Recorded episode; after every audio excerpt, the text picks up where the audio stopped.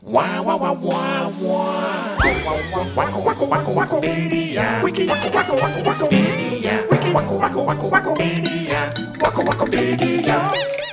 Margaretha van Oostenrijk, door Oostenrijkse jodelaars soms genoemd, is de enige dochter van Maximiliaan I van Oostenrijk en Maria van Bourgondië. Een mix van Oostenrijk en Bourgondië. Ze is dus een beetje een schnitzel op een bedje van wijngaardslakken. Margaretha is de zus van Philips de Schone en dus de tante van Karel V, de latere keizer Karel.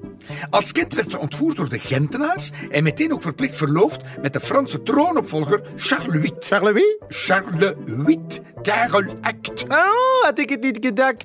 De koning van Frankrijk stierf één jaar later en Margaretha werd feitelijke koningin van Frankrijk. Ze was ondertussen toch al drie jaar oud. Vive la reine! Enfin, vive la reine que...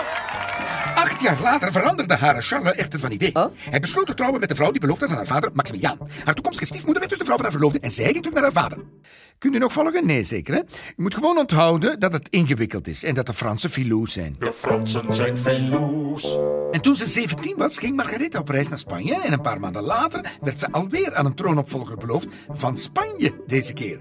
Maar deze keer trouwde ze echt. Hij heette Juan de Aragon. Mi amor! En hij stierf vijf maanden later. Mi amor.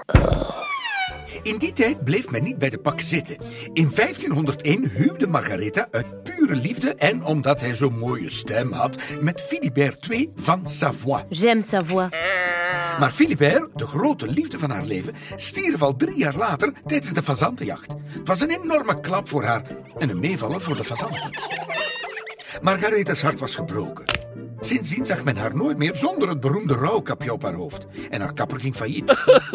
Zij hertrouwde niet meer. En in 1507, waar we nu in het verhaal zijn aangekomen, werd ze aartshertogin van de Habsburgse Nederlanden. Ze vestigde zich in Mechelen in het Hof van Savoie zonder man, maar met Le Papegoi de Savoie.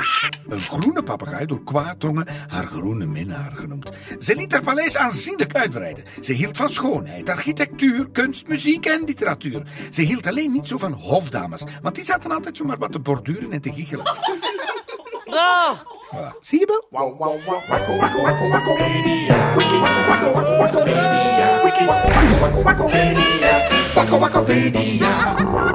Oeh. Nu we dat allemaal weten, kunnen we dus terug naar Hieronymus van Bus leiden. Die legt aan zijn geleerde vrienden uit waarom hij Margaretha nodig heeft voor zijn plan om het humanisme te verspreiden. Weten jullie wie er aan het hof van Margaretha verblijft voor zijn opvoeding? The Papagua de Savoie, no doubt. Nee, ik bedoel, ja, ja, die ook, maar vooral de zoon van Philips de Schone. Oh, Karel. Hmm. Karel van Luxemburg. Schoolkindje.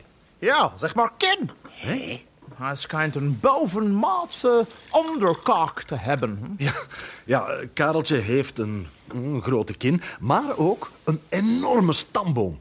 Hij is de erfgenaam van de Nederlanden en zijn moeder is sinds vorig jaar officieel koningin van Spanje. Yes, Johanna. Maar die is haar verstand kwijt. En haar marbles ook. Ja, zo kan ik nog wel een paar regeringsleiders bedenken.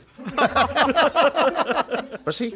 Kareltje in de kamer hiernaast ontvangen. Hè? Want anders zou het water in zijn kinderbak kunnen bevriezen. Eh, hier uitnodigen is geen optie. Tussen mij en Margaretha botert het niet zo. Maar er is een andere manier om Karel en dus later heel Europa warm te maken voor onze ideeën. Ja? Luister goed. Ik ben een en al eers. Ik heb gehoord dat ze in het Hof van Savoie.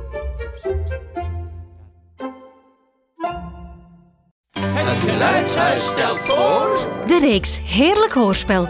Verhalen van Hans Christian Andersen, Grimm en Perrault. Maar ook De Storm van Shakespeare en klassiekers zoals Reinaard de Vos. Helemaal herwerkt tot sprankelende hedendaagse hoorspelen. Gespeeld en gezongen door een ijzersterke cast. Ze zitten vol romantiek, Schoon meisje. Eh, eh, schoon weer. Nee, ben je op mij? Eh, op, op vakantie? boordevol drama. Afschuwelijk! Dit is echt waar afschuwelijker dan afschuwelijk! Het zijn verhalen over vriendschap, Zoek jij ruzie? Nee, ik zoek geen ruzie. Zoek jij ruzie? Maar wil jij ruzie? Nee, ik wil geen ruzie. Wil Maar jij dan kan ruzie? je ruzie krijgen. beterschap. Ik voel me niet zo lekker. En vrede. Ik pak hem kapot! Verhalen boordevol wijsheden. Hebt je je zakdoek volgesnut? Dan is uw broer zijn t-shirt van nut. voordrachtkunst Ik ben hier toch niet zo extreem onverstaanbaar, zeker? en diepe levensvragen. Spaarvarken, is dat lekker? Helemaal mee met de tijd dankzij gezonde voedingstips Appelflappen, pruimenvlaaien, perentaarten, groentekies, frangipan, javanet en vloerpistolets. en Facebookwijsheden. Altijd eerst iemand zijn profiel bekijken voor je hem tot vriend maakt. Het geheel wordt overgoten met een rijke saus van koninklijke muziek. Ja, bon. Luisterplezier voor jong en oud. Oud, oud, zeg. Voor info en geluidsfragmenten, kijk in de Geluidshuis-app of op geluidshuis.be.